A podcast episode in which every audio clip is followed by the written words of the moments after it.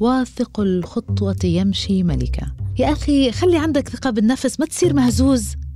Fake it till you make it. بالعربي تظاهر بالأمر حتى تتقنه وتنجح. واحدة من أهم تحديات اليوم هي أن تشعر بثقة كاملة بالنفس. يمكن بسبب منصات التواصل الاجتماعي والمقارنة المستمرة يمكن البيئة اللي حوالينا أحيانا كثيرة تكون غير مشجعة. يمكن التنمر اللي بيواجهوه أولادنا أو اللي نحن منعيشه أحيانا مع الأصدقاء أو بالشغل أو مع أفراد العائلة يمكن تسارع المهارات تطور الحياة العملية بشكل سريع ومخيف. كثير أسباب والنتيجة واحدة. أكثر إحساس يصيبنا بهاي الفترة ومن حين إلى آخر هو أن ثقتنا بنفسنا تهتز. بس الخبرية الحلوة إنه الثقة بالنفس هاي مهارة مثل مثل كتير أشياء بحياتنا تعلمناها وتدربنا عليها والآن نمارسها بدون تفكير وأصبحت تطلع معنا بكل عفوية.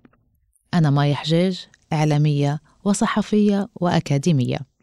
وهذا البودكاست سيكون تجربة متبادلة لأنه أنا كمان حأتعلم معكم. فيا رب تكون تجربة غنية ومفيدة وممتعة. نطلع من حلقاتها بحلول لأسئلة بتراودنا كل يوم.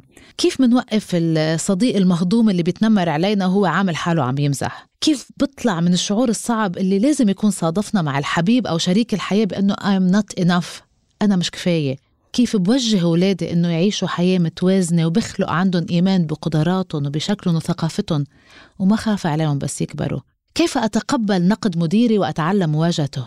كيف أتقبل كل المتغيرات اليومية وأنا بنفسية متزنة ومرتاحة ومش قلقانة ولا فزعانة إنه شيء ما رح يصير مثل ما أنا بدي؟ كيف أتغير للأفضل وأرتقي بنفسي وأعتز بتجاربي وجسمي ومهاراتي وأغير صورتي عن نفسي أمامي وأمام كل العالم. كيف أزكي نفسي؟ اللي هو واجب على كل إنسان وكيف أتعامل بكل ثقة. أرجو التنويه أنه هذا البودكاست لا يستند إلى تجارب شخصية. هذا البودكاست هو مجموعة من تجارب شخصية وآراء فردية ومقتطفات من أهم الأبحاث والمقالات العلمية.